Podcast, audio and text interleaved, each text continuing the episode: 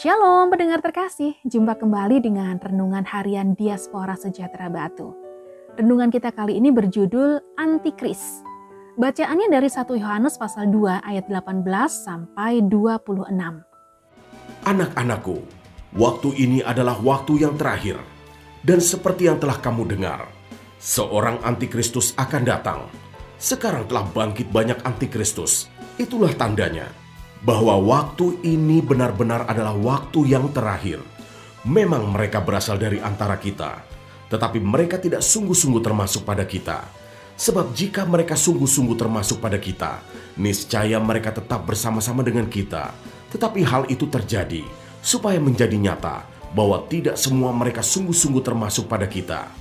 Tetapi kamu telah beroleh pengurapan dari Yang Kudus, dan dengan demikian kamu semua mengetahuinya Aku menulis kepadamu bukan karena kamu tidak mengetahui kebenaran, tetapi justru karena kamu mengetahuinya, dan karena kamu juga mengetahui bahwa tidak ada dusta yang berasal dari kebenaran.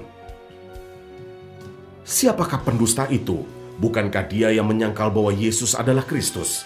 Dia itu adalah antikristus, yaitu dia yang menyangkal baik Bapa maupun anak. Sebab barang siapa menyangkal anak, ia juga tidak memiliki Bapa. Barang siapa mengaku anak, ia juga memiliki bapa. Dan kamu tahu apa yang telah kamu dengar dari mulanya, itu harus tetap tinggal di dalam kamu. Jika apa yang telah kamu dengar dari mulanya itu tetap tinggal di dalam kamu, maka kamu akan tetap tinggal di dalam anak dan di dalam bapa. Dan inilah janji yang telah dijanjikannya sendiri kepada kita, yaitu hidup yang kekal. Semua itu kutulis kepadamu, yaitu mengenai orang-orang yang berusaha menyesatkan kamu.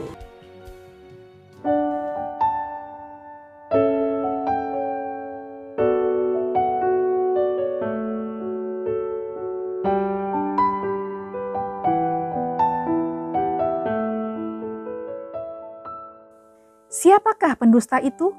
Bukankah dia yang menyangkal bahwa Yesus adalah Kristus? Dia itu adalah antikristus yaitu dia yang menyangkal baik bapa maupun anak. 1 Yohanes pasal 2 ayat 22. Pendengar terkasih, antikris dalam ekskatologi menjadi salah satu topik yang sering dibicarakan dan antikris ini bahkan sudah ada sejak dari zaman para rasul. Antikris adalah mereka yang menyangkal bahwa Yesus adalah firman Allah yang menjadi manusia mereka menyangkal bahwa Yesus adalah Kristus yang dijanjikan Allah dan dinubuatkan oleh para nabi. Antikris bisa muncul dari dalam gereja dan juga dari luar gereja. Antikris yang muncul dari dalam gereja adalah orang-orang Kristen tetapi tidak mengakui keilahian Yesus.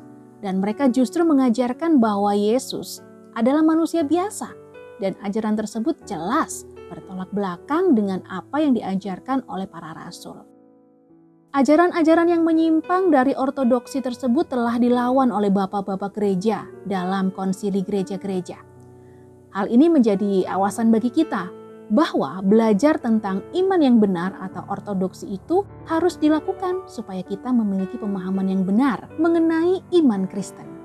Selain itu, iman yang benar harus dilakukan juga dalam kehidupan sehari-hari sehingga kehidupan kita menjadi penyembahan di hadapan Allah. Dengan demikian, maka kemungkinan menyangkal Yesus bahwa Dia adalah firman Allah yang menjadi manusia sangat kecil, atau bahkan tidak ada peluang sama sekali bagi kita untuk menyangkal Yesus, walaupun kita harus kehilangan nyawa.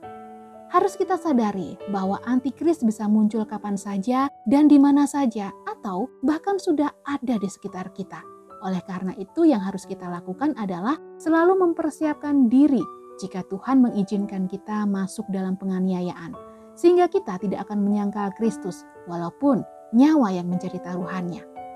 Pendengar terkasih, kematian karena mempertahankan iman kepada Tuhan adalah kematian yang mulia. Tetapi Stefanus yang penuh dengan Roh Kudus menatap ke langit, lalu melihat kemuliaan Allah dan Yesus berdiri di sebelah kanan Allah. Kisah para Rasul 7 ayat 55. Tuhan Yesus memberkati.